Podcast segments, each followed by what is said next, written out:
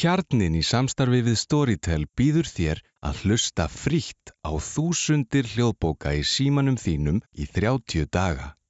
Það eina sem þú þarft að gera er að skrá þig á storytel.is skástrík kjarnin og byrja að njóta.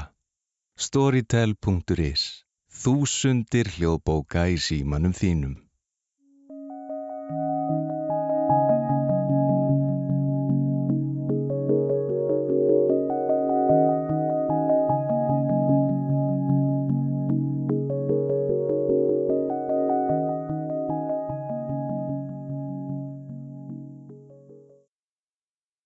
Góður hlustundur, þið eruð að hlusta á Pottersen sem er hlaðvarp um Harry Potter. Og við erum hérna sískinin Bryndís Freyja Petersen og Emil Hjóra Petersen. Halló, Hæ. Hæ, hæ, við erum hérna, númer hvað er þessi þáttur hjá okkur? uh, hann er númer, ég veist að ég er ekki alveg viss, 22, 23, 23, Eitthvað þannig.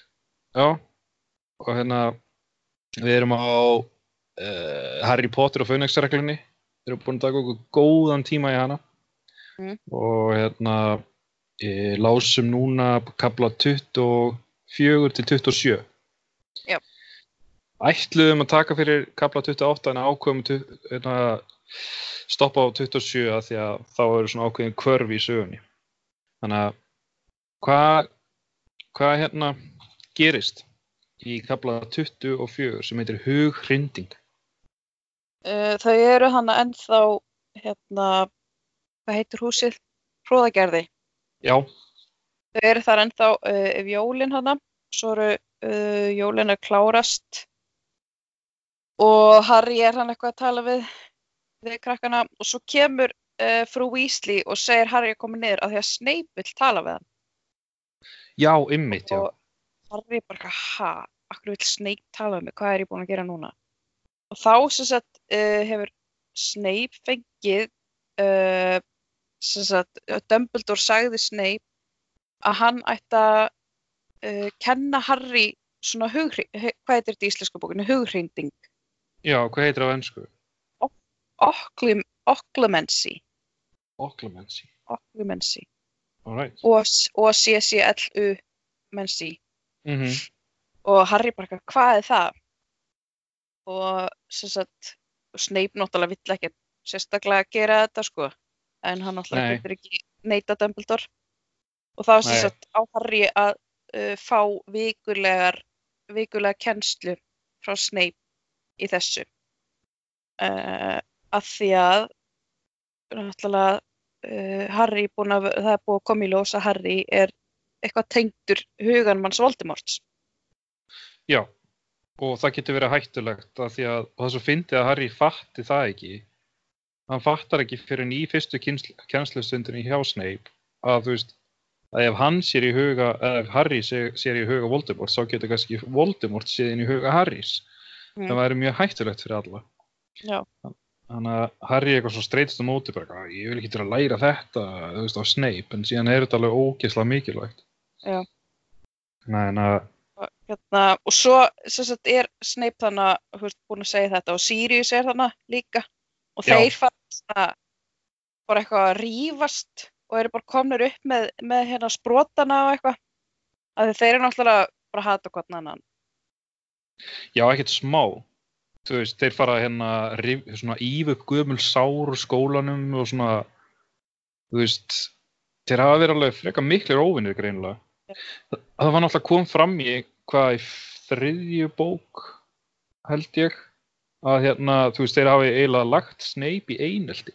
Já, þeir gerðu það sko Þú veist, þannig að líka að sem sagt, pappans Harry var ekkit, ekkit fullkominn sko, hann var alveg svona einheltiseggur Já, þú veist, þetta var svona einelti sem náði einhverju hámarkið hana þegar þeir ætla að plata hann til einhvers, hann Snape, Já. og ef, ef hann hefði gert það, þá hefði hann jafnvel kannski bara geta sl- stór slasast eða dáið. Mm. Og hérna, og James Potter stoppaði það af og lokum og þá hætti það. En Snape sérst hatar, hatar þá, sko. Já, bæði hataði James, pappans Harry og, og Sirius og bara Mm hatar af því að Harry náttúrulega svolítið líku James hvernig hann Já. sig þannig að þá bara svona yfir það gömul sár hjá Snape Já. allavega, svo hérna svo kemur Artur Vísli aftur, hann er orðan góður þeir náða að lækna þetta hann að þetta snáka eitur og eitthvað Mm það er mjög gott Það er bara frábært. Þá krakkanir, vísleikrakkanir þurfa ekki að hafa ágjör af pappa Já. sinum lengur. Sko. Uh, en þú veist, það, já, þegar hann kemur þá, þá hætta Snape og, og Sirius. Annars þú veist, þeir eru komnir upp í sprótana sína. Já, Þeir þeir voru bara að fara og, Harry er eitthvað svona stendur á milli þeirra eða eitthvað Mm, það er bara eitthvað hætti þessu, þú veist, eitthvað fullorðin menn, bara eitthvað, já, full, fullan af fólki í þessu bókum haga sér stundum bara eins og krakkar, sko. já. Já. Og svo bara faraði með hann að uh, Night Bus, hvað hva, hva heitir hann á íslensku? Rittara, nei, Já, heitir hann ekki fyrst Night, Knight Bus? já, Kni- Night Bus. Já, að þetta áver svona orðarleikur á ennsku, þú veist, nátt hérna, Já. n- nátt hérna strætó, sko, eða næturstrætó, en það þýðist svo illa yfir á íslensku, Hvað heitir hann ástar íslensku? uh, riddaravagnin, Já, þannig að það er bara e- önnur merkingin sem, eða svona, já. Þetta, er að engin, já, þetta, er engin, þetta er engin riddaravagn, þetta er, þú veist, bara eitthvað svona suppulegur strætó, Uh, já, þannig að þeir, þau fara með þessum strætó upp í Hogwarts. Já, og hérna eh, og svo byrjar hann, hann bara eiginlega strax eh, daginn eftir hann er komin í Hogwarts mm þá byrjar hann í hérna uh, já, byrjuðu fyrst þá hérna hittir hann Cho aftur. Já, hittir hana strax, já, og hún er eitthvað eh, næsta hérna Hogsmeade ferð er á Valentínusadaginn og eitthvað. Og Harry er svo fattlaus hún er eitthvað uh, ég er að pæla hvort þú vildir eitthvað. Og Harry er bara eitthvað hvað, veit ekkert hvað hún er að spurja með eitthvað svona Nei. fatt síðan. Ok, hún vil fara með mér í Hogsmeade á Valentínusadaginn já, hann, hann er svo vandræðilegur einmitt, en þau halda greinlega þá upp á val, Valentínusardaginn, já, Þannig en að uh, og upp á jólin. Mm þannig en að og er samt held ég aldrei komin eitt um páskana. Nei. ég man það ekki, held ekki. Nei. það er framar ekki Mm -hmm. uh, en já, svo hérna fer Harry til Snapes. Já. Og og það er þú veist hann á að undir því yfirskinni að hann sé að fara þú veist í svona aukatíma mm í töfradrykja gerð sem að er alveg ágætis cover af því að þú veist Harry er frekar lélugur í því. Já, Að, og Snape er náttúrulega, þú veist, hann er ótrúlega illkvittinn við Harry og eins og alltaf og Harry þólir hann ekki. En svona, mér finnst hvernig Snape kennir hún, þú veist, það er alveg, hann er alveg frekar pró, mhm, galdramæður. Hann er bara svo ógeðslega illkvittinn. já en hann er alveg mjög góður í því sem hann er að gera Já, þess vegna treystið Dumbledore honum, sko. og hann er Og- með hann að þangalögin hann Já, einmitt. Tekur, hann er, hann er að taka eitthvað úr hausnum sínum og setja þangalögina því að held að hann sé þú veist að því að þetta er náttúrulega svolítið svona riski að Harry getur kannski líka þá séðin í hausin hans Snapes og meðan þeir eru að æfa þetta. Þannig að hann vil náttúrulega ekkert að Harry fá að sjá einhverjar viðkoma minningar hjá sér. Nei, þú veit ekki. En núna fær sko Snape sem að er, sem að, þú veist, þeir hata hvor annan, hann fær að sjá alls konar viðkomar persónulegar minningar hjá Harry. mm Þú veist, þegar hann var lítill, þú veist, hann var að nýðast á honum, eitthvað svona úr barnesku og, og líka Og- þegar hann er að kissa Cho já, hann er eitthvað, nei, nei, nei, ég mátt ekki sjá þetta eitthvað já. En honum er, þú veist, honum gengur frekar illa allan að hann í byrjun að Já. ná, tök, ná tökum á þessu og hann er bara búinn á því eftir á. Mér samt svona, þetta er í fyrsta skipt þetta er fyrsti, þú veist, fyrsta lessonið að hann er fyrst, fyrsta kennslustundin og Snape er bara eitthvað þú verður að, eitthvað svona eða minnst það svona smá harður við hann eða svona, Snape, en þú veist eins og Harry bara geta þetta eitthvað í fyrstu kennslustund hann er líka að kastast niður, veist, hann er svona skellur með hérna hausinn og fer, Já. veist, í, í gólfið er, hvað er hann gamall, 15 ára, veist, Snape bara eitthvað, þú verður að gera það, bara eitthvað, íslega röff. já, En þú veist, ég skilar að það liggur svolítið á að, veist, Harry kunni þetta, en come on. já, Og er bara slögt öllum hugsunum og tilfinningum bara eitthvað, þú veist, þess að Harry sé bara eitthvað snillingur í því eitthvað. Já, eitthvað, gerir lít, lítið úr honum og seg, segir hans ömul og síðan bara slögt á öllum tilfinningum og náttúrulega Harry getur slögt á öllum tilfinningum nema, þú veist, hatur í garð Snapes. Að, Segir hann sér óksla, hérna, weak, þú veist, se segir Já. hann sér píningi og eitthvað. gaman eitthvað en svo að því að Harry er náttúrulega sko þetta er svo, hann verður svo uppgefin eftir þetta að hann verður svo þreyttur í hausnum og þá er náttúrulega eins og svo fyrir hann að sofa og þú veist fyrir að dreyma og finnst hann er alveg svona veikari þú veist út af öllu þessu álægi já, þá er erfiðar eina fyrir hann að þú veist berjast á móti þessu. Já, einmitt, hann verður svo berskjaldar í draumunum af því að hann byrjar alltaf að dreyma þess að sömu drauma um þennan gang. Mm og hérna uh, í sem að kemur sín ljósa er í leindarmálastofnunni já, Nei, hann, já, hann sem sagt eh, Snape kemur eftir hann eitthvað "Ah," veist, og Harry fer eitthvað að pæla ykkur og svo, já, einmitt, hann er alltaf dreymt þennan gang, en svo fattar Harry í kennslustundinni bara eitthvað, að þetta, þú veist, þarna er þetta vopn, hann í þessu hvers, Department of Mysteries. Já, Að leynd, þess, þess, það er undir galdramálaráðuneytinu. Já. Að Harry sérst búin að fatta það að þarna leynist eitthvað og Voldemort er greinlega þá að reyna að komast þangað inn. Mm í, í gegnum Harry, eða ekki? Jú, og þegar hann er búinn að fatta þetta þá er hann að tala um þetta við Hermione og Ron og þau komið alls konar svona svona kenningar um um þetta eins og að uh, hvað, einhver, það var eitthvað galdramæður Sturgis Potmore sem var, veist, e- var í föningsreglunni Mm sem var handtekinn fyrir að reyna að brjótast inn. Uh, en það, þú veist, þeim fyrir svo skrítið að hann að verið handtekinn fyrir það af því að hann var að vinna fyrir Fönixregluna þú veist, að brjótast inn þar sem að Fönixreglun er að reyna að koma í veg fyrir að Vol- Voldemort komist inn eða ekki? Jú, þannig að þau eru með svona kenningar um að Lucius Malfoy sem er, þú veist, búin að sneika sér inn í galdramálaðarneyti uh, hann sé að nota stýribölvun á fólk. Já. til þess að opna þetta sko. Þannig að, að þetta, er, þetta er einmitt svona þú veist, plottið í- kringum Voldemort gerist fyrir utan Hogwarts skóla. Allan að so far. Og við fáum svona vita það í gegnum drauma Harrys. Já, þannig að það er eins og Rowling sé að reyna að taka plottið aðeins út fyrir Hogwarts. Já. þannig að uh, svo, já, svo fer Harry þarna uh, að sofa mm, og er, er náttúrulega svolítið mjög þreyttur. Og svo fer hann að dreyma eða ekki uh, að eitthvað að hlæja og sér ro- að sem sagt, eins og Voldemort sér rosalega happy sko. Já, og bara, Og það- bara st- svo sterkasta hamingi tilfinning sem að hann hefur fundið uh, þú veist bara svona í gegnum Voldemort. Já og Harry, þú veist, er að hlæja upphátt úr svefni já, hann fyrir að hlæja upp átt, já.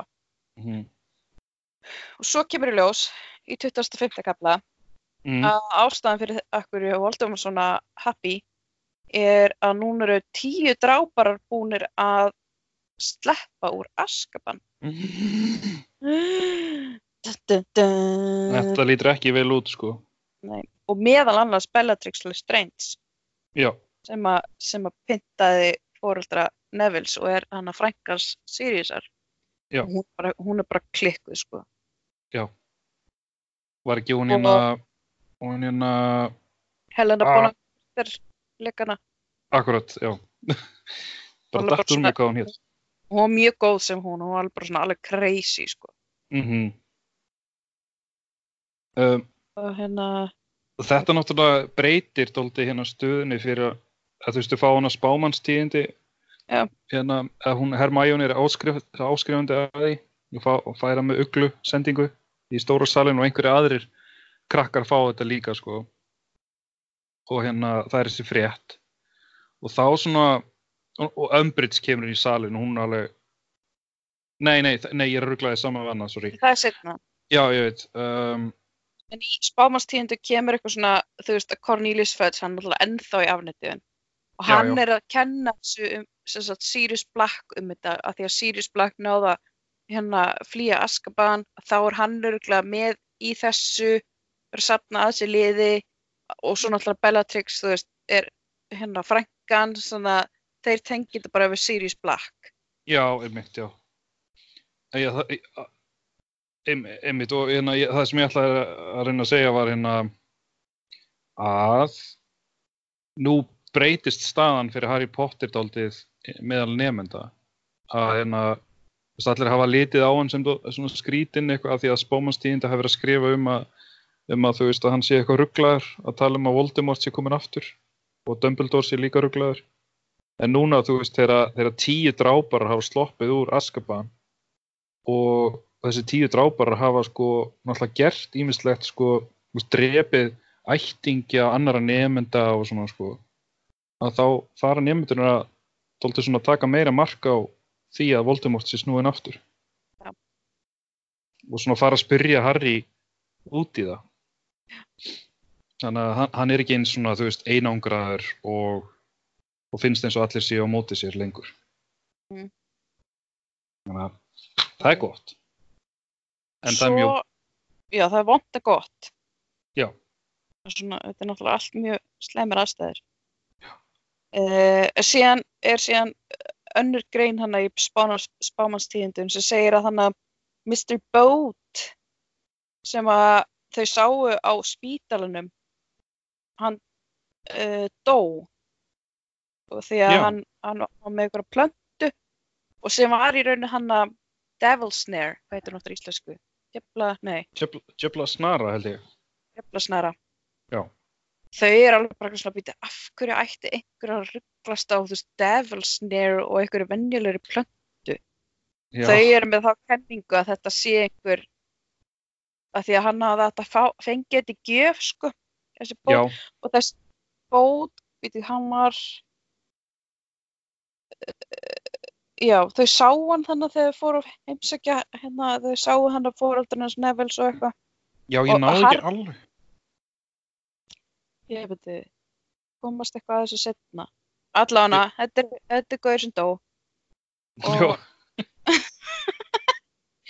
það, kem, það kemur setna uh, held ég, að það ekki hver hann er jú, það hlýtur að vera. Af því ég var ekki alveg að tengja við þetta sko. nei, Þau bara sá hana, hana á, á spítalunum sko. og svo er hérna sjáðu Hagrid hana Já, Hagrid er, þú veist, hann er með eitthvað, hann er búin að vera að gera eitthvað skrítið sko. Hann er allur, allur alltaf lemstraður. Þú vill ekkert Já. segja frá hvað það er. Þannig að það er rosa margt, margt sem gerist í hérna köflunum. Það er ótrúlega margt í gangi sko. og hann er í svona uh, svona on probation hvað þegir það eftir hann er sem sagt, Á skilorði. já, á skilorði þannig að það er svolítið riski veist, hann er svona hann er svolítið stressaður að vera að missa starfið og eitthvað uh, Já. Umbridge er, þú veist, hún fer í alla tíma og þau er bara með almennt bögg. Hún verður alltaf verri og verri. Hún Já. setur alltaf nýjar og nýjar reglur, sko, til þess að hafa stjórn á öllu. En það sem að í rauninni heldur, og það er alveg nefnt, nefnt nokkur sinnum, að það sem heldur Harry, í, þú veist, hann langar varla að vera í Hogwarts út af Mm. hvernig stemningin er þar. En það sem heldur honum við efni er hérna, hérna æfingafélagið, leinifélagið, hérna VAFD mhm, og hérna, og það gengur rosalega, já, og náttúrulega tjó, já, og hérna, það gengur rosalega vel að þjálfalla og Neville er að taka einhverjum svaka framförum.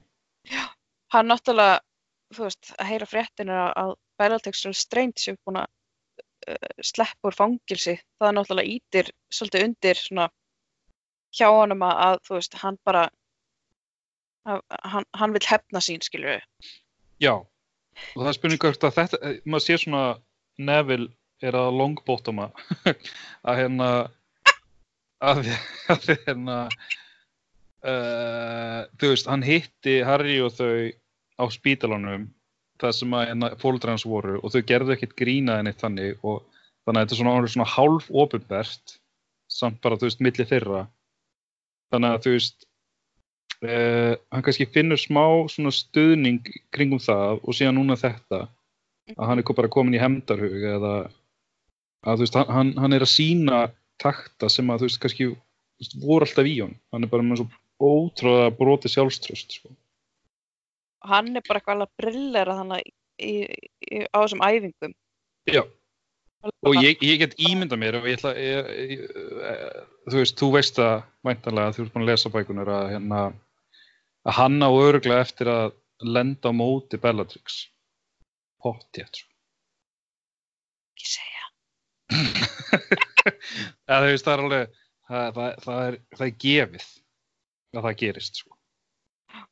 en hvenær það gerist, hvort það gerist í sjötta eða sjöunda bóka, kemur ljós ég, ma ég man ekki hvernig það ég er náttúrulega svo langt síðan að lesa þetta, þetta svona, ég er alveg, veist, fintubókin ég er bara eitthvað, ég er búin að gleyma hvað gerist ógeðslega mikið á dóti í þessari bók Já, það Það er líka, bara- ég, ég byrja að sjá pínu svona, að hérna, það er svona pínu langdreið á köflum, sko. þetta er að- náttúrulega svona mér finnst þetta að vera svona þú veist, þetta er ekki, þetta er alla bækur náttúrulega geggja, sko, en þetta er svona hún er svolítið svona ógeðslega löng og það er ógeðslega mikið að dóti í gangi. En Já, þetta er samt skemmt. Þetta er, það er skemmtilegt að það, ég, ég neita því ekki, en, en ég finn, og ég ætla, ég ætla, þú veist, ég, ég kannski get dæmt um það, þegar- bókin er búin, en ég finn að plottið er ekki alveg jafn þétt og í hinum fjóru bókunum sem við hefum lesið.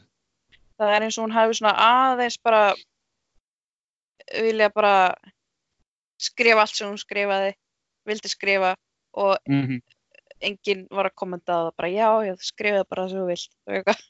það, gæti, það gæti verið, og síðan Það gæti hún haft líklegt. Já, og svo kannski hefur hérna, þetta er náttúrulega, þú veist, brjáluð pressa að skrifa þessar bækur á þessu stíi öruglega, sko. Að hérna, uh, síðan kannski, þú veist, uh, hefur, hún, hefur hún kannski fundið fyrir einhverju feedbacki, sko, og, og byrjað að þétta það aftur, sko. Mm. Ekki nema hún hafi bara, þú veist, skri, þú veist að, að þessi bók gengur dóltið út á að byggja upp, veist, þau eru orðin eldri og það eru breytingar í gangi og kannski er meiri áhersla á það breytingar, breytingar hjá karakterun Mhm. og þannig. En svona plottið er, er svona þú veist það er bara, það er bara eitthvað vopn eitthvað svona órætt vopn.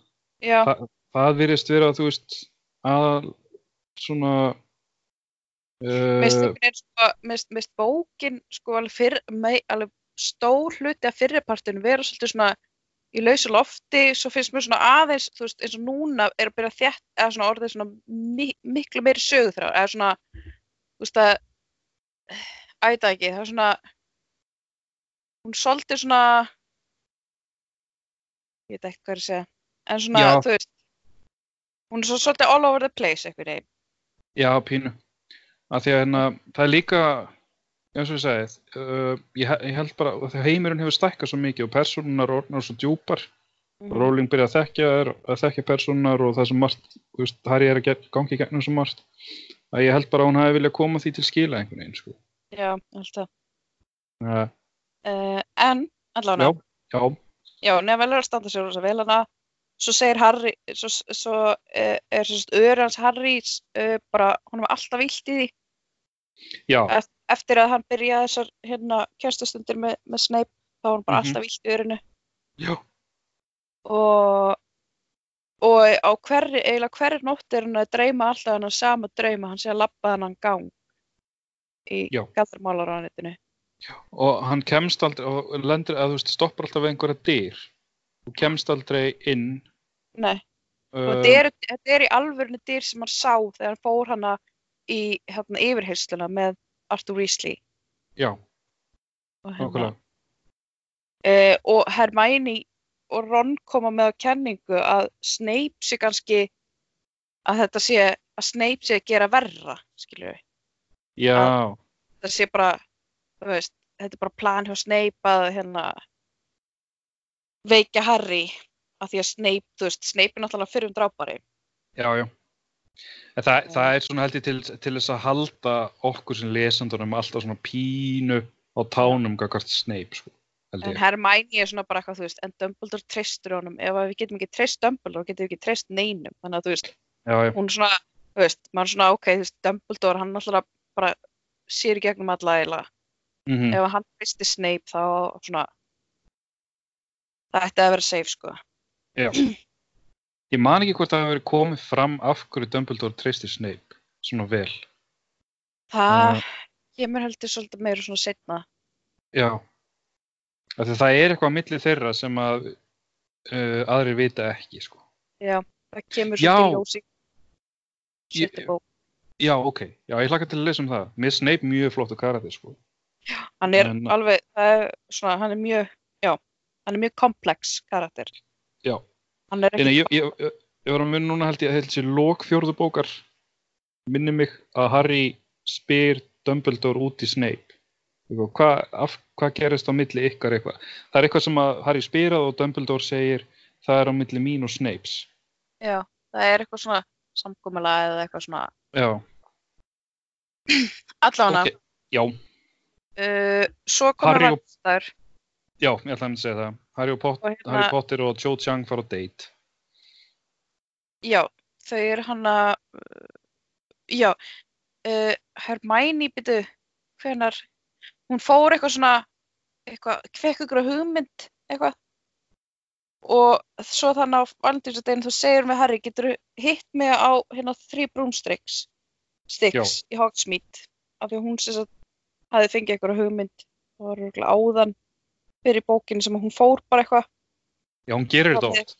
Já, eitthvað svona, og Ron eitthvað, oh, akkur gerum við alltaf, af því að Her- Hermione er eitthvað svona, herri, já, ætli þetta, nei, jú þetta, og svo fer hún bara eitthvað og segir Já. ekkit, segir ekkit hvað hún er að fara að gera, hún bara hverfur. Hún er bara, þú Eh. veist, hú- hún er bara puppet master, sko. Ég ætla, ég ætla að tala um á eftir hérna uh, þegar Harry hérna fer á skrifstofu Dumbledores. Allavega, já. Uh, já, og svo sett, Harry, hún segir, já, hvað þú hittum á Hogsmeade og Harry eitthvað, "Ö, ég er að hitta á Joe. Og hún bara, já, taktu hann bara með líka og eitthvað. Mm uh, og svo hittast þau tjó hana fara saman uh, í Hogsmeade. Tala um Quidditch á leiðinni. já, og Harry eitthvað svona oh, get næs að hanga með henni, eitthvað svona get easy, eitthvað. Já, og svo á- hann eitthvað svona get svona romantíst kaffihús eða ekki já. Og, já, jú, eitthvað eitthvað svona krútlegt uh, tehús í Hogsmeade. Það sem er eitthvað svona önnur, önnur pör úr skólanum eitthvað að kissast og kjassast. og Harry er undir rosa pressu, sko. Finnst hann eigi að vera að gera eitthvað líka, sko. mm og það er hann að mana sig upp í að, að taka í höndina á henni og eitthvað þar til að þar til að, að, að þar til honum dettur í hug að segja já, en að en að baða mig um að hitta sig á þreymur kústum í hátteginu, viltu koma með? Uh, og hann uh, og, og Joe fyrir svona hálfgett uppnám eitthvað, já, eitthvað viltu hitta Gr- Granger núna þegar þú ætlar að vera, með mér? Eitthvað, já, eitthvað. Þannig að Harry er ekki alveg að fatta að Joe er kannski pínu eitthvað svona öfundsjúk út í Hermione. sko. já, hún veit ekki alveg hvers konar samband þau eru með. Og Joe fer í eitthvað svona ham, eitthvað fyrir að, því að það er eitthvað á næsta borða er eitthvað Roger Davis sem hafi greinilega hérna, spurt hann út á date Já, nokkur vikum eitthvað, hún eitthvað, já, hann spurði um út á date og ég sagði nei. Og eitthvað, og Harry bara eitthvað, hvað er hann að tala um þennan gaur? Og hann er eitthvað á næsta borða að kissa eitthvað að gælu og, og svo, svo er hann eitthvað, já, ég kom í Cedric hérna í, í fyrra og eitthvað. Og þú veist, fyrir svona og Harry bara fattar ekki, þú veist, hvað er í gangi. Og svo fyrir hann að spyrja hann um Cedric eitthvað og fyrir sig að grenja. Og Harry bara eitthvað, getur tala um eitthvað annað? Og eitthvað svona, þetta gett misefnað já, og svo endur það bara á því að Tjó stormar út grenjandi. Já. og Harry, Harry fer bara barinn, sko. Já. Hann áttast ekki áli, alveg á því hvað gerist. Nei, mér svo fyndið að krakkanir fara hann á þrjá, þrjá kústa sem að, þú veist, kennaranir eru að drekka og eitthvað. Eh. og hérna, eða þú veist, Hagrid er hérna bara eitthvað að slarfi í, í sig öl og svona. Þú veist, maður myndi skilja að þau var í háskóla að fara Já. á, þú veist, bara það sem kennarinn eru. Þetta Þeir eru bara voru 15 ára krakkar, sko. Já, eitthvað, já, ég var kennslustund og svo um kvöldi sé kennara minn bara blindvillan á barnum, eitthvað. uh, já, en já, Hagrid er hann á barnum. Hann er, Mhm. hann sérst, Hermæn er ekki komin ennþá. Hann fyrir að tala við Hagrid og Hagrid er bara eitthvað svona, eitthvað mumla bara eitthvað, eitthvað svona, Mhm. eitthvað, já, við erum, við erum bá- báðir eitthvað outsiders og eitthvað og, og eitthvað svona, hann er eitthvað svona skrítinn smá. Já Uh, og, og Harry náttúrulega spyr hann út í hvað ertu eiginlega, hvað, akkur ertu með þessi meðsli og hann bara, já, hvað ertu eru bara smá skrámur Já. Mjög fullt af ásla marinn og, og bara eitthvað. já, og svo veifur hún Hermione til hans, hún situr þannig Mm -hmm. á samt hérna Lúnu Lovegood og Rítu Skíter Já. það kemur dálítið á óvart Já, hún allt í hennu mætt hann aftur. mm og Og það ástæðan Svona, Hún var blaðakonan í síðustu bók sem var alltaf að skrifa alls konar rugglum Harry. já, af hverju var hún rekin á spámannstíðindum? Uh, ég held að kannski Hermæni, að því að Hermæni er náttúrulega alltaf að blackmaila hana, að þú veist, að því að Hermæni veit að Rita Skeeter er óskráður hérna uh, Kviks, kvikskiptingur. hún getur sérst breytt sér í svona bjöllu.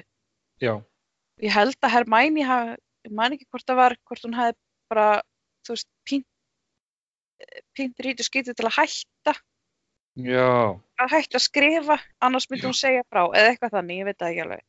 já og svo kemur núna í- ljós að hún er að kú, í raun að kúa Rítu Skíter til þess að taka hérna viðtal við Harry Já.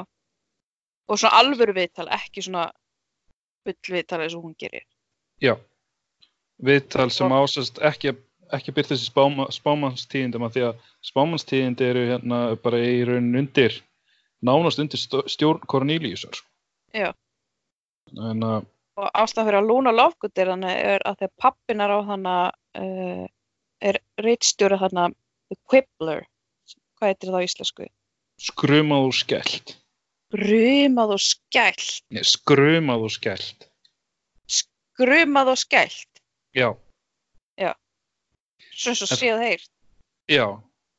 Og hérna og náttúrulega hún var með eintak af þessum Luna í lestinni í byrjun bókarinnar.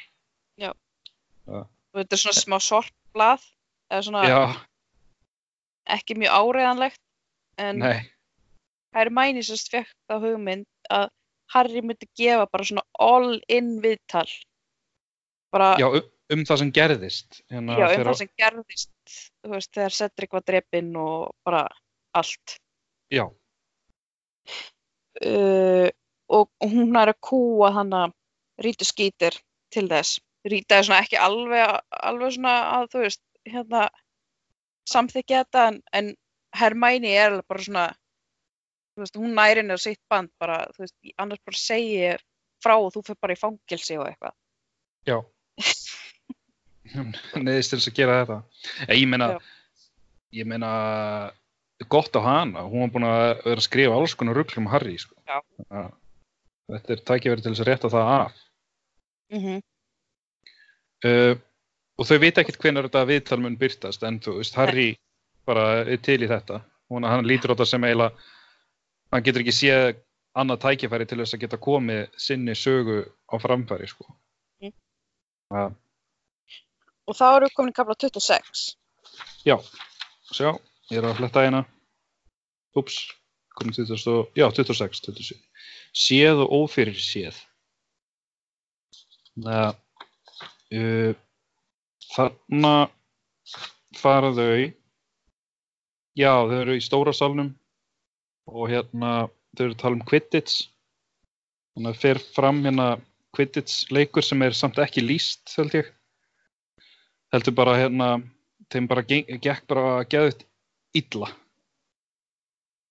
Hérna, Gryffindor fyrst, ge, uh, já, Joe er þannig og er ekkert að tala við Harry. Já, já, já, já. svona horfir ekki á hann og Hermione spyr hann hva, þú veist hverju gekk á deitinu? Og Harry eitthvað svona uh, bara ömulega fyrir að útskýra fyrir Her Hermione hvað gerðist. Og hún er bara eitthvað þú ætti hefur átt að gera þetta, þetta og þetta þú hefur ekki átt að nefna mig með í samtali þú, þú ert að segja hvað ég væri ljót og eitthvað og, Herri, já, ég ætla, ok, ég segja núna, Hermione er, er núna, þetta, ég var að fatta, þetta er enn ein vandræðin sem að Hermione er búin að koma Ha- Harry í.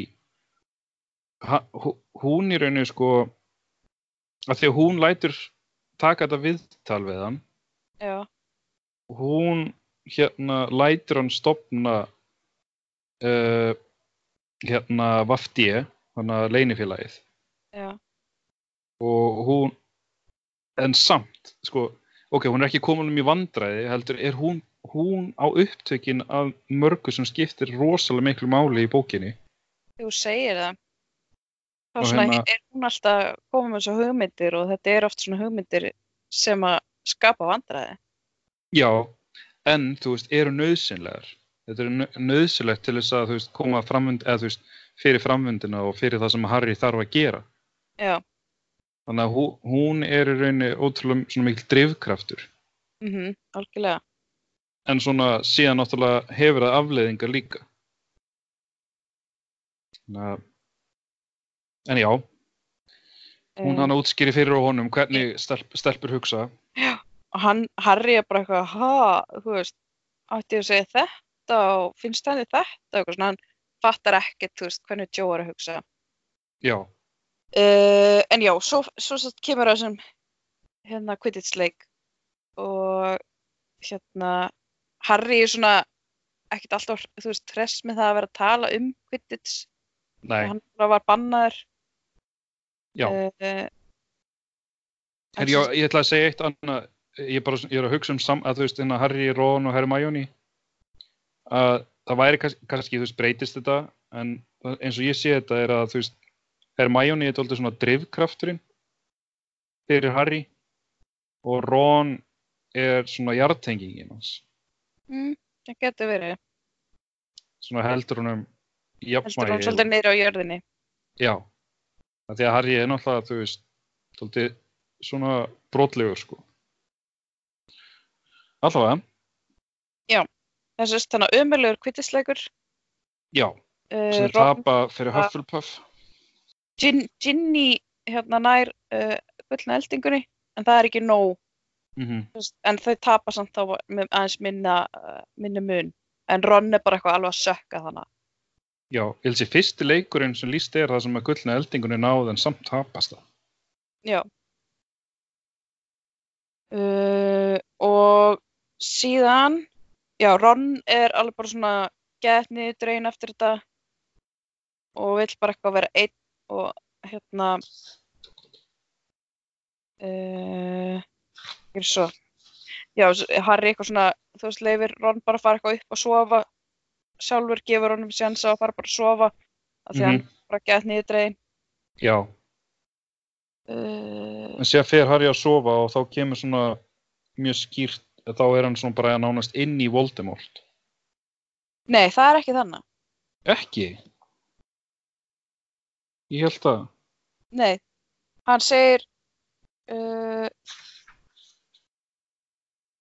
já, hann, hann Ég- dreymir aftur hurðinu og hann svona næra svona ítinni, eða ekki, hann hana og sér svona blátt ljós eitthvað. já, já, já. Sér En svo, svo, svo byrjar Ron að hrjóta og þá, þú veist, sér hann ekki neitt meira. já, ég skil. Uh, svo daginn eftir þá hérna eru þeir í salnum og þá sem sagt fær Harry bref, fullt af brefum og líka hann að The Quibbler, þá sem sagt er, er nýjasta útgáfan af Quibbler komin út og hérna viðtalið við Harry. Já, og hann er þannig alveg á, á frontsíðinni bara. já. Og, og þetta fer að spyrjast út og Umbridge kemur Já. og sér blaðið og hún trompast. Og hún bara bannar þetta blað. Já, og En- setur og- upp e- e- enn eina regluna bara engin nefandi má eiga The Quibbler annars verið bara reknur úr skólanum. Eitthvað En Hermione sér þetta sem jákvætt af því Já. að, hérna, af því að hún lætur banna þetta að þá náttúrulega eiga allir nefndunir eftir, eftir að vilja lesa það sko. mm Þannig að, hérna, þannig að þetta svona spyrst út og þú veist ímynd Harrys og hans saga af því sem gerðist, þetta er allt saman að þú veist að verða miklu skýrara fyrir öllum í Hogwarts. þannig Þannig að að- þetta bæði, bæði, bæði hann að fekk hann bréf frá alls konar galdramönnum og konum sem segja að ég trúi þér og eitthvað og svo eru allir finnir hann svona meiri stuðning í skólanum að krakkanir Já. fara, er, þú veist það er bara allir andanum eru bara allir skólanum búnir að lesa þetta Já, og það er líka bara svona hægt og bítandi þá, þú veist, fer galdara heimurinn að gera sig grein fyrir hver staðan er. mm Líka út af því að þessir tíu drábarar eru sloppni, sko. Já. Ja, og svo sér hann að Malfoy Crab og Goyle vera eitthvað hérna þú veist, hérna vera eitthvað að fýblast eitthvað eða eitthvað og, Harry náttúrulega, þú veist, nefndi pappa þeirra allra sem drápara, hann sá það hana í Já. kirkju það er spurning hvernig þeir bregðast við, þú veist, hvað Draco finnst um það, sko, mm -hmm. svona sjálfum. Uh, það að pappi sinn sé bara hann er bara evil, sko.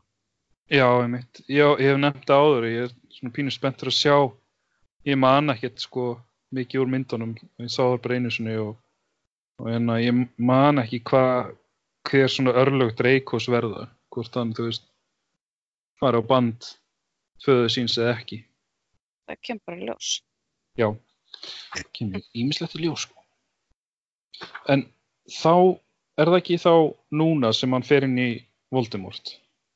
Jú, hann sem sagt fer að sofa þá einmitt er hann eitthvað svona uh, tala við einhvern Rookwood Já, sem er dráparinn sem slapp. já, sem er drápara og þeir eru eitthvað að tala um þennan bót sem að drafst hana á sjúkrahúsinu, eða ekki? Jú, Og eitthvað er að tala um eitthvað, hann hafi ekki geta barist get, hérna Malfoy, að sem sagt Malfoy hafi verið með er ekki stjórnunabölvunin jú stýribölvun. Hann hefur greinlega kast, kastað þessu á hann bót sem var þú starfsmæður hjá ráðuneytinu. Og það hafi ekki hérna tekist að, að komast inn í þetta á þessa hurð. En það, en það virðist verið að þessi Rookwood eigi að geta gert það. og þess vegna létur uh, þá senda þessa plöntu á bót af því að hann var hann sagt hvað hann Já, var eitthvað að- skrýt og svo virtist hún vera að batna en þeir vildi ekki að hún myndi batna af því þá myndi hann náttúrulega vita af þessu öllu þannig að þeir þurftu að drepa hann eða ekki Já, já, já. Þetta er bara svona eins og þú veist, er í hérna gangstyrmyndunum, þú veist, ef, bara ef hann veit þetta þú veist hann má, þá segir hann frá eða vaknar og bara drepa hann já, bara drepin í fangilsinu, sko. Já. Nákvæmlega. já, þessi Rookwood verist hérna geta þetta svo eitthvað segir, hver er eftir Avery? Ég veit hann ekki. þegar að því að hann segir eitthvað, já, sendi Avery til mín. Já, það hlýtur að, ég var bara gókið þegar, ég, það hlýtur að vera að koma eitthvað meira í ljós, sko. já, ég bara man ekki eftir þessu nafni. Allan, svo hérna uh, í draumnum lítur Harry í speil og þá er hann Voldemort. Og hann er bara eitthvað, no Og Voldemort er líst með rauð augu. Hann sem er rauð augu og með svona rifu, svona, mm svona eins og hann sé með, þú veist, Lord of the Rings, hérna, augu, sko. hann, hann er svona og svo er hann náttúrulega með sko hann er eiginlega svolítið eins og snákur í framann hann er líka með sko svona, hann er ekki með nef. Mm Þarna. bara með svona rifur líka þar. Já, uh, og hann vaknar hann að það ekki og hann vekur Ron eða eitthvað og Ron er eitthvað þú veist, hvað, hvað er í gangi eitthvað? Og hérna og hann fyrir, að- Harry fyrir að segja Ron frá þessu öllu það sem hann sá. Uh, já, er, svo, svo koma hann að Dean og Seamus og Já. Harry eitthvað svona, þú veist þeir fara bara að sofa aftur að þeir vil ekki að þú veist, þeir sjá eitthvað hvað er í gangi. Já, ekki? en Seamus hérna er byrjaður að trúa Harry. Já, hann, hann kom að Harry og sagði að þú veist, hann trúur á núna og hann sendi mömmu sinni uh, koppi af The Quibbler að mammans trúði þess ekki Já, það það var hann að fyrr í bókinni þegar hún nýkomin til Hogwarts. Þegar þú veist, þegar að hérna, náttúrulega hann var að koma eftir sumarið, þegar hann, þegar hann náttúrulega bara fór að fréttast hvað gerist fyrir Cedric Diggory, eða þú veist að hann hefði dáið, og þú veist, mjög fáir trúðu því að Voldemort var snúin aftur og, og, og svona alveg bara meiri hlutu skólans leit Harry hornauga, sko. mm En það er búið að breytast. Þannig að En- um, En hann fyrst að hérna til hans Snapes uh, hann, er, hann er núna búinn að vera, þú veist, í einhverja vikur, marga vikur, ég með einhverja mánuði, allan einhverja vikur hérna í þjálfun hjá Snape og loksins á þessari æfingu hérna tekstunum að verja sig.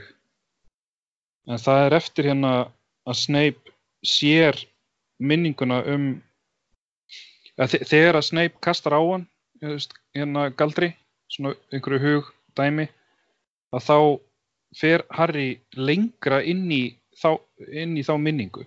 Og hann kemst, hann kemst inn í hann fer á baku dyrnar hann kemst inn í þetta herbergi eða þennan sal og það eru margar dyr þannig að og hann veit, hann veit ekki inn í hverja hann á að fara sko Mér min- minnir það sé þannig Já. Og sjá. Er það eftir að hann kemst inn í hausin og Snape? eða þá ég rugglu saman hann allavega uh, Snape sér Jú, hana- það gerist hérna, það gerist hérna eftir, jú, stendur hérna að hurðin opnaðist og Snape eitthvað, "Ah, hvað, hvað er að gerast eitthvað? En á, fyrir það, þá sem sagt er Snape, þú veist, að komast inn í hausinum og Harry kemur eitthvað svona, uh, hann gerir eitthvað það ekki og, og þetta svona, hvað heitir það, snýst við að hann getur séð inn í hausin og Snape, það ekki? jú, og hann og sér hana svona, sér eitthvað, þú veist, Snape lítinn krakka að grenja því að foreldrar hans er að rífast og eitthvað svona, sér eitthvað Já. svona gamlar minninga frá Snape já, og Harry finnst það svolítið spes að eitthvað neginn svona sjá Snape sem, þú veist, eitthvað svona human bara eitthvað, sem Já. krakka já, þessar minningar eru alveg bara svona sína frekar svona brostna æsku sko. Já. Og hérna og, og já, svo sagt fer, fer hann og opnar þessa hurð uh, í hausnum. Mm uh, og, og Snape er bara eitthvað að þú ert bara, þú ert bara latur og sloppi og hérna Harry, af því að Harry spyr síðan Snape hérna af hverju kallar Voldemort alltaf Dark Lord? Af því að sko einu sem, þeir einu sem að ta- kalla Voldemort að Dark Lord eru drábarinnir já, akkurat og Snape sko þú veist maður hann næri ekki að svara þessu af því að þeir eru trublaðir sko en mér dettur í huga að þetta sé bara gamall ávani hjá Snape Já, pottitt. Hann líka alltaf eitthvað svona snerta hann að merkið, eða hann að tattoo eða eitthvað sem þetta er hann að myrkratáknið á já. Já. Og svona, svona, þú veist, eitthvað í undir meðutinni bara. Nákvæmlega að þeir eru triplaðir hana því að þeir heyri ykkur kvenmars öskur já, utan. Og þá sagt faraður og tekka því. Og þá er Umbridge að reka Trelawney sem er hann að, spátumsfræði kennarinn Já.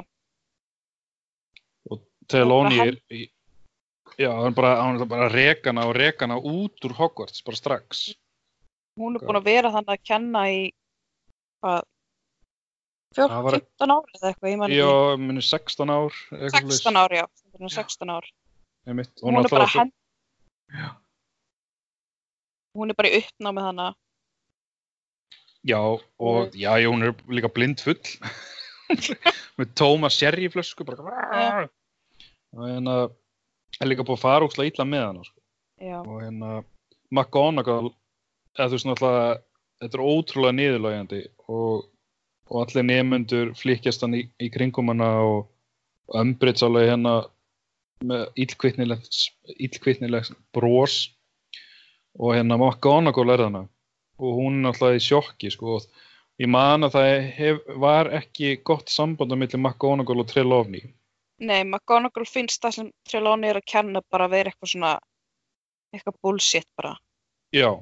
Og þú veist það er en, en, en, já núna eh, þú veist hún þú veist já núna er, er það McGonagall sem stiður Trelawney sko.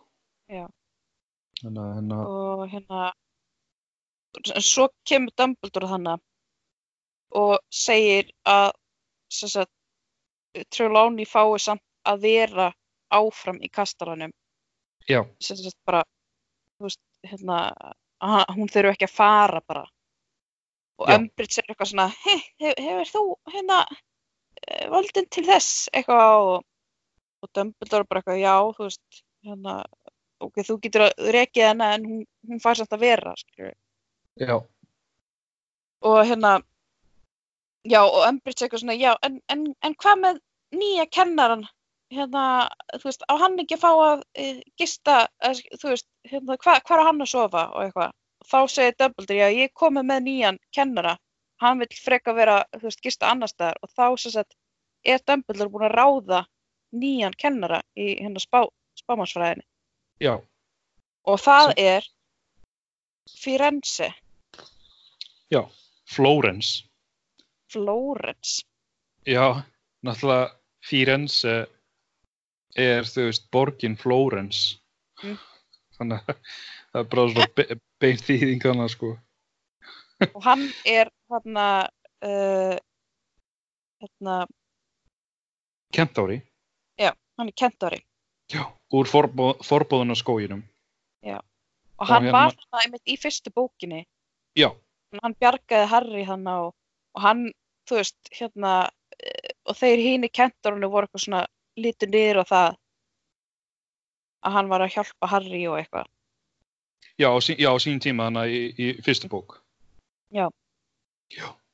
Vámaður, þú veist, Rowling að halda utan um þetta allt saman, það er rosalegt. Uh, uh, og þau fara þarna það eru komin kalpa 27 þau fara í Eh. tíma hjá honum Já, það er svolítið cool kapli, finnst mér. Það var búið, að innrétta eða breyta kennslustofu sem var, þú veist, eitthvað milli stóra salarins, og, og fors salarins, eitthvað svona sem að var ekki í notkun. Og þá hefur Dumbledore breytt henni í svona bara eiginlega hálfgerðan skó, svona Já. rjóður, skóarjóður. Af því að það er náttúrulega svona, svolítið svona natural habitat hjá honum já, kentarunum, já. að, þú veist en, en, en, en krakkarnir er eitthvað svona af hverju, fyrir ekki bara inn í skógin þú veist, að- við erum alveg komið þanga áður við erum alveg í, þú veist, hérna tímanum hjá Hagrid og eitthvað en þá sérst er bara er, er hérna fyrir ensi bara, hann bara útskúfaður af hérna fólkinu sínu Já, og þá náttúrulega lætur Dumbledore, þú veist, kemur honum vel fyrir þannig, sko, mm í staðinn. En það er hérna Lavender og Parvati, hérna stelpunar úr Gryffindor. Það eru rosa svektar, sko, því að það er fíluð til Lóni. Já. Það er eitthvað svona að að reyna að segja, þú veist, þegar hann byrjar að kenna kentarinn, sko, að hann er með eitthvað allt aðrar pælingar um hvernig á að spá fyrir um hluti og það er eitthvað réttu pönd eitthvað. En, en Trelawney sagði hann bara eitthvað, það er bara mennst bull. Og hann móðgar svona eiginlega alla nefnundur því hann er bara eitthvað svona að tala niður til og eh, þið mennir eru bara svona svona svona og já, bara eitthvað þið kunnið ekki dá þetta og eitthvað. Já, já, hann er samt gett svona óljós hann er alltaf eitthvað svona, já, þetta er svona svona en samt kannski ekki og eitthvað svona, já en það er vist eitthvað svona spádómur sko, og hann segir að, að þú veist spádómar kentar hann að það getur tekið langan tíma að, láta, að, þú veist, að, að túlka þá og, eða þú veist að það kom í ljós.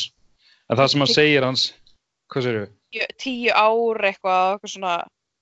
Já, hann lætur krakkan eitthvað, síðan eitthvað partur af því að þú veist brenna einhverju jurtir og reyna að ráða í reikin og það gengur tólti Já. út á að lesa í stjörnuna líka og svona og hérna e, það er eitt sem hann segir, hann segir að þú veist eitthvað í, í spátum kentarana þá, þá hérna er talið að, að galdraheimurinn sé á milli tveggja stríða. Já. Að Sem er greinilegt sko, þú veist það var að þetta er bara, þú veist, auga stormsins uh, þú veist, að Voldemort og dráparannir voru og svo eru þeir að koma aftur sko. Mhm. Svo þegar kennslustundin er búin þá segir Fírense við Harry eitthvað, heyrðu, hérna, eins, uh, hann er að tala við hann. Þá sérst er Fírense að segja hann, já, hérna, viltu segja Hagrid að, hérna, uh, þú veist, þetta, þetta er ekki að virka hjá honum og eitthvað svona, uh, sérst, er svona svolítið óljós Mm en hann segir svona, ég, ætla- ekki að, veist, ætla ekki að, hérna, uppljóstra leyndamálun hans, en þú verður að segja honum að þetta bara, veist, hann verður að átta sig og þetta sé ekki virka. Já, Segðu honum þetta, Harry. já. Þannig að, uh, En við erum sérst komin í 27. kapla, já. já, við erum í 27. gaf núna. Já, já. Og Harry fer, eitthvað svo segir Hagrid þetta og Hagrid eitthvað svona, uh, þú veist, bara, á, veit ekki, fyrir hans að veit ekki hvað hann er að segja. En Harry Já. fæst ekki að vita, þú veist, hvað er í gangi, hvað, hvað er þetta leyndamál sem Hagrid er með. Já. Já, við, já, það er spennandi að vita hvað hann er að, hann er að bardúsa. Það er greinilega eitthvað sem kentur hann er vita af og, og að hann er þá greinilega að gera það í forbóðuna skóginum, sko. Uh, en síðan fer ekki Harry, uh, hann fer hérna að þjálfa. Já. Hérna í þarfa herbyrginu og er að kenna þeim, þú veist, hérna krakkanir eða ung- unglingarnir eru komni með tök á hérna verndar galdrinum, þú veist, að, að skapa verndara gegn vitsugum og þá allt í hennu strunsar hann hérna Dobby, húsálfurinn inn. Já. alveg út úr taugaveiklaður og eftir smástund þá nær Harry upp úr honum að Umbridge ha- hafi komist að því að, þau, að, að þessu leinifélagi og hún væri bara á leiðinni. Þannig að það verður upp í fótur og fýtt og, og, og allir bara að, þú veist, hlaupa út og bara að dreifið ykkur, ekki láta hann inn bera og, og Harry er síðastur út úr þarfaherbygginu en Draco nær, eða þú veist, hann fellir hann. Mm og, og Umbridge bara næri í nakkadrampið á, á Harry. Og fer með hann til Dumbledores. Já. Og það, það, Það- er í á skrifstunum Dumbledore, Dumbledore, McGonagall, Cornelius Fudge og hann að Kingsley Shacklebolt og svo einhver annar galdramæður og Percy Weasley. Já, og svo náttúrulega Umbridge og Já. ég held sko að þeir væru þannig ekki bara út af þessu leinifélagi allir þessir heldur líka út af þannig við, viðtalinu í skruðum og skellt já, mér svo fyndi að þú veist galdramála ráðherran og hans fylgdarlið ke kemur í Hogwarts af því að það er búið að stopna eitthvað leinifélag í skóla. Já svolítið ítt sko. Þetta er aldrei svona mikil afskipta sem ég sko. Já. Svo já, eitthvað svona Fudge spyr Harry eitthvað, þú veist akkur þú ert hérna það ekki? Og Harry eitthvað svona ætlar að fara að segja yes en segja, yeah, segja já. Og svo sér hann að Dumbledore eitthvað svona gerir við hann svona veist, að segja nei sem sagt. og svo. Harry bara, já, ég, ég veit ekkert akkur ég er hérna. Og Fudge eitthvað þú veist, ert, ert, veist í alvörun ekki uh, akkur þú ert hérna, ert, ertu, sérst, ve- veistu ekki af neinu leinifíla eða neitt? Og Harry bara eitthvað, nei, ég veit ekkert það að tala um.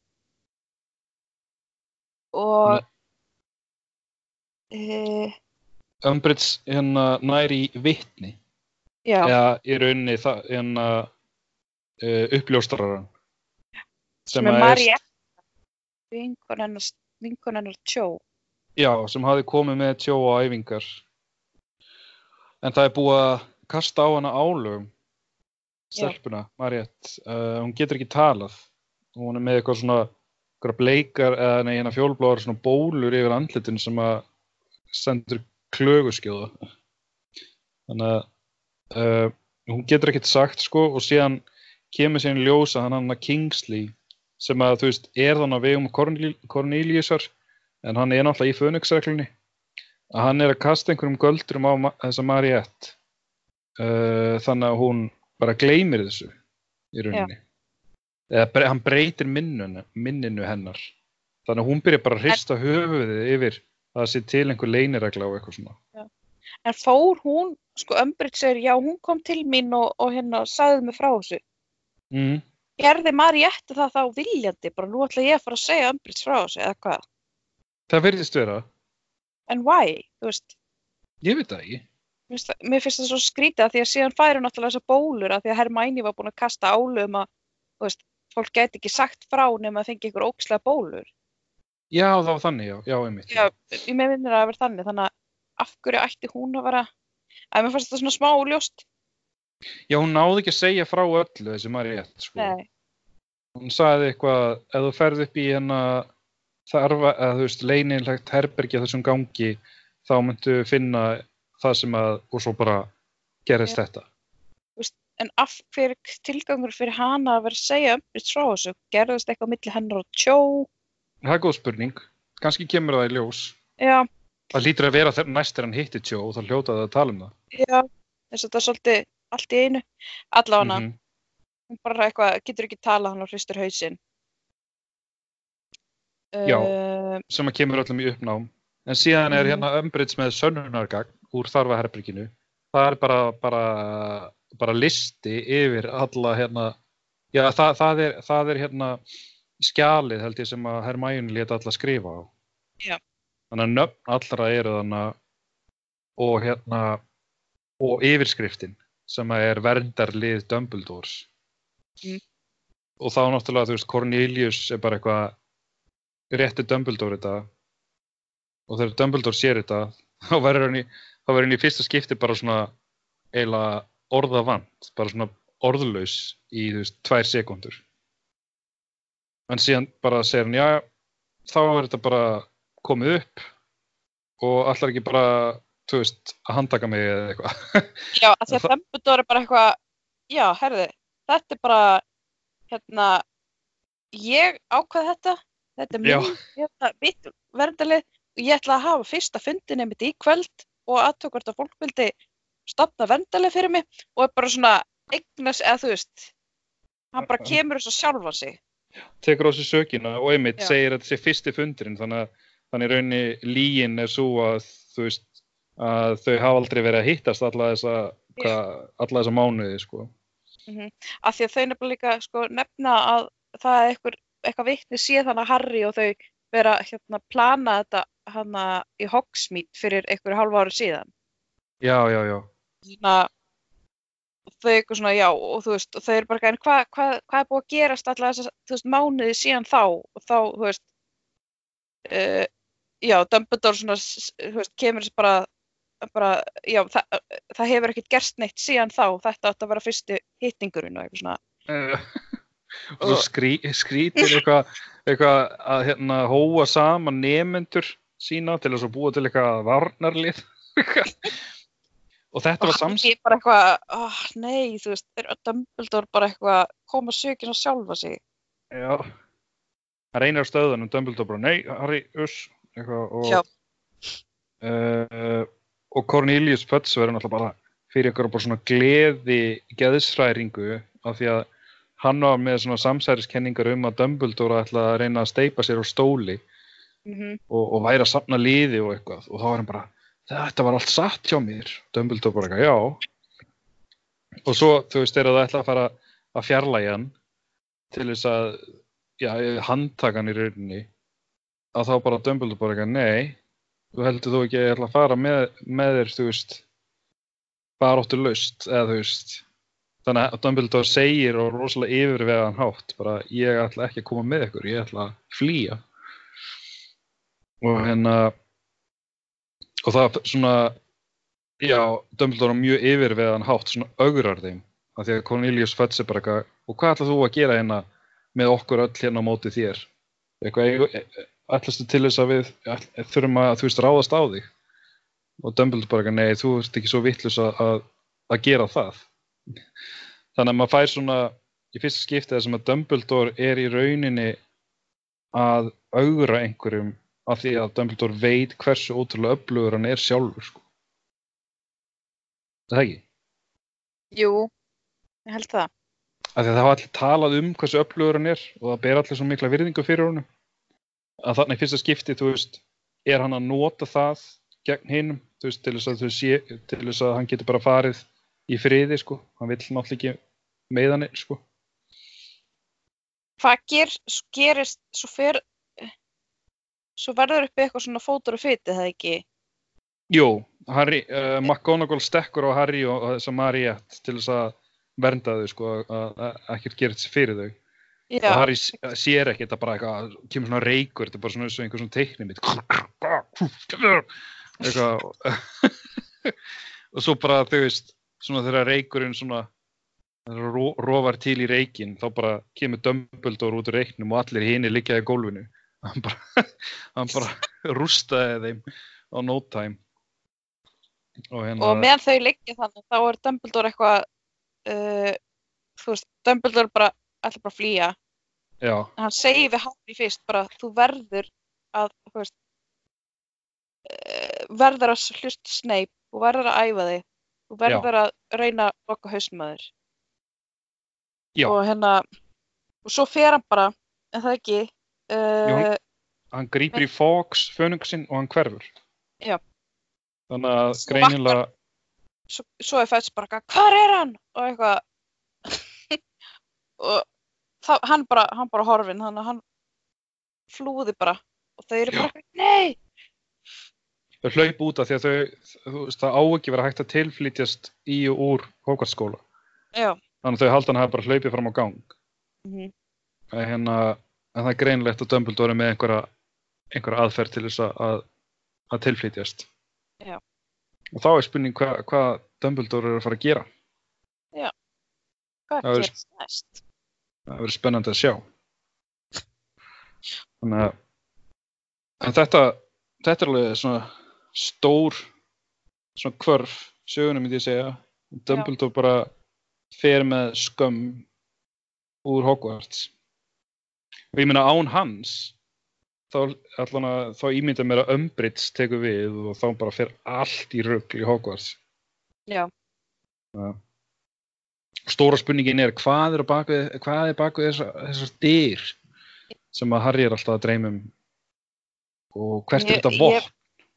Ég man ekki sko nógu vel hvað, mér, mér finnst þess að mér hefur alltaf fundist þetta smá óljóst, Mm, hvað þetta rauninni er, ok, en, en kannski skilja það betur núna þegar ég er eldri.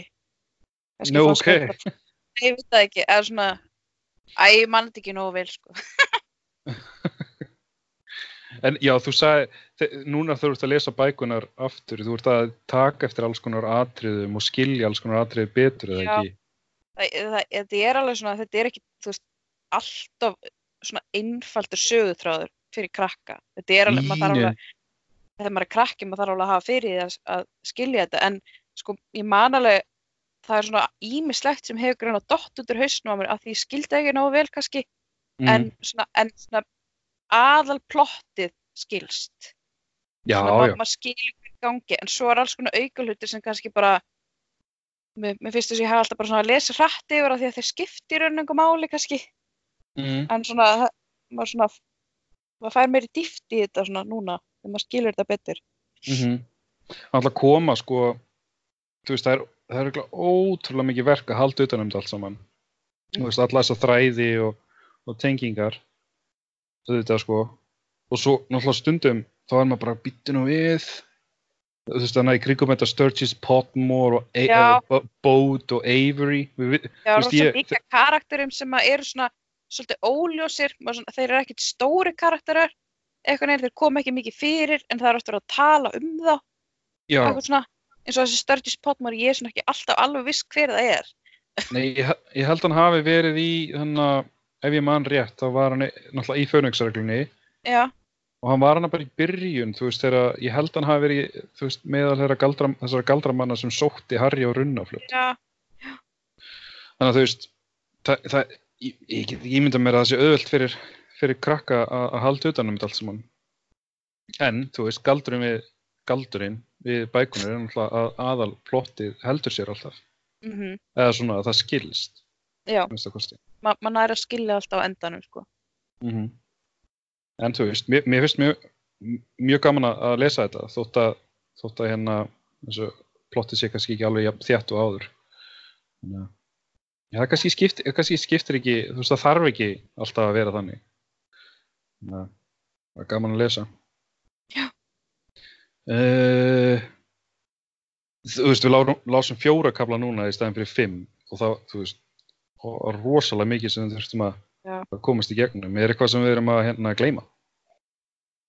Uh, uh, eitt sem ég dætti hugan bara kannski, þú veist, kannski getur ekki allt um mjög máli en þannig að, að, að því Harry fyrir svo skrítið að hann, hann, hún fyrir svo skrítið akkur, þú veist, akkur Snape er að æfa og eitthvað því að svona samkvæmt reglun þá á ekki vera hægt að svona, þú veist, að því að Hogwarts er svo venda, venda Já.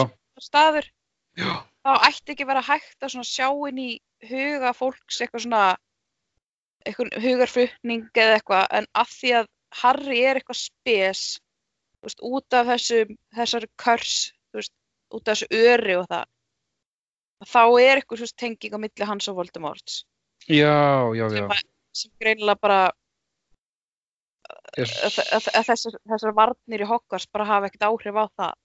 Já, þess vegna er svona, og fyrst að það, þú veist, gengur í gegn, að uh, þá er greinlega þessi tenging svo sterk og hættuleg að þess vegna er, þú veist, Dumbledore bara, þú verður að ná tökum á þessu. og ástæðan fyrir akkur þeir að þetta vil Dumbledore Snape gera þetta núna er að núna virðist sem Voldemort sé búin að fatta þetta Já, Áður það fatt- áður þá vissu við Voldemort örugglega að þessu og Harry Mhm. var bara að sjá eitthvað svona smá inn í honum en núna virðist virð- Vol- virðist sem Voldemort sé búin að átta að sjá þessari tengingu og hann getur fara að nota þetta þannig að það er mjög mikilvægt að Harry ná tökum á þessu Já. Þannig að vonandi fer Harry að fatta það og hérna einbytta sér í tímum hjá Snape. láti ekki, láti ekki hatur sitt á Snape ég held nefnilega að það sé að trubla svolítið mikið, að hann hatur Já. Snape svo mikið Já. Já, dóltið svona, að gengur, þú veist, bókin gengur dóltið út af það, það með Harry að hann þarf dóltið að ná tökum á, á tilfinningum sínum. Sko. Já, algjörlega Já, segjum það gott í bili. Já. Og sjáumst, nei, heyrumst í gegnum Skype eftir tvær vikur. Yes, Bye bye. bye